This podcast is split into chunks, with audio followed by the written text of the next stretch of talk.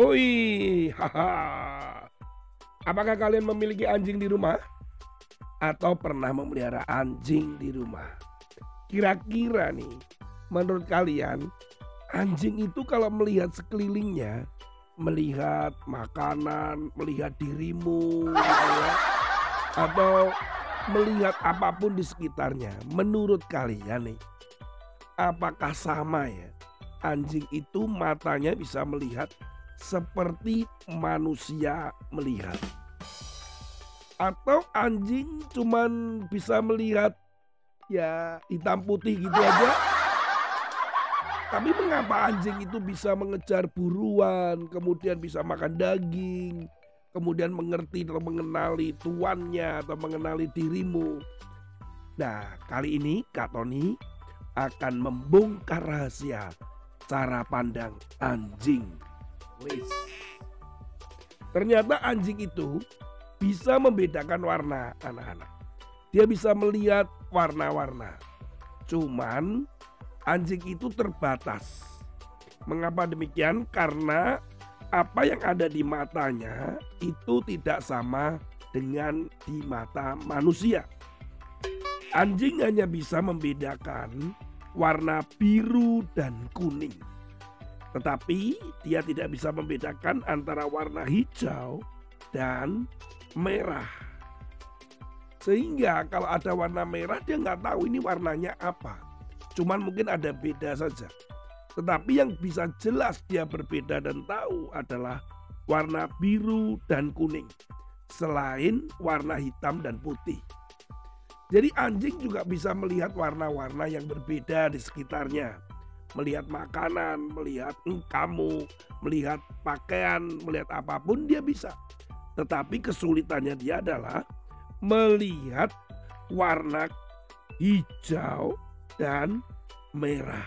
Jadi tentunya beda dengan kita manusia bukan? Bisa membedakan semua banyak warna.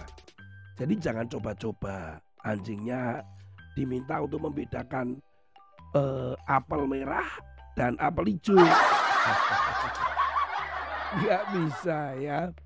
Tetapi yang luar biasa adalah mata daripada anjing itu sangat peka dengan perubahan warna atau bayangan begitu. Itulah yang membuat anjing memiliki sensitif kepekaan untuk memburu binatang buruannya.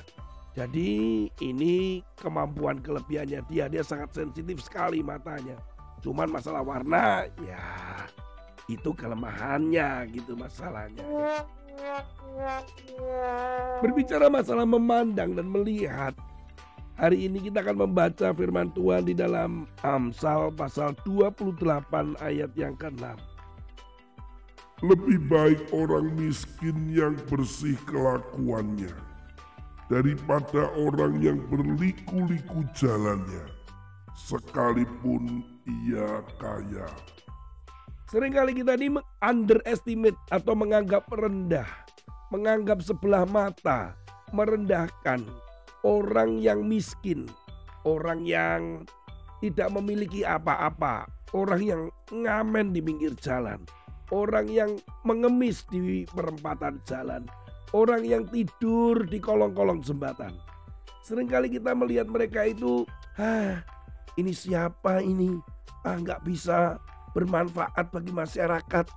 Wah ini apa? Nah sering kali kita memandang orang-orang miskin itu menganggap rendah. Ketika kita pergi ke desa, kita akan menemukan orang-orang yang memiliki rumah-rumah sederhana. Pekerjaannya sebagai petani, mereka berkebun, mereka hidup dengan sederhana dengan cara makan mereka, kemudian aktivitas mereka. Tidak sama dengan kalian mungkin pergi ke toko, pergi ke mall, olahraga, sekolah naik mobil, mungkin berbeda. Itulah sebabnya sering kali anak-anak dan kita manusia memandang dengan dua hal yang berbeda. Yang pertama, memandang yang miskin itu jahat, yang kaya itu baik dan sukses yang miskin itu tidak berguna, yang kaya itu yang kuat dan yang baik. Hati-hati anak-anak. Firman Tuhan hari ini mengingatkan kita bahwa kita tidak bisa memandang yang miskin itu adalah jahat, yang miskin adalah jelek. Enggak. Karena dikatakan lebih baik si miskin yang bersih kelakuannya. Ternyata orang-orang yang miskin dan berkekurangan itu ada yang baik. Mereka tidak semuanya jahat. Demikian pula dengan si kaya. Bukan berarti orang kaya itu sukses terus kemudian dia baik. Eh, tunggu dulu. Ada juga mereka yang kaya, menindas, sombong, memperlakukan tidak adil, bahkan dengan kekuasaan kekayaannya, mereka melakukan kejahatan. Hati-hati, jangan sampai mata kita seperti mata anjing. mata kita itu melihat dengan salah. Oh ini sudah miskin, pasti begini. Oh ini sudah kaya, pasti begitu. Hati-hati anak-anak.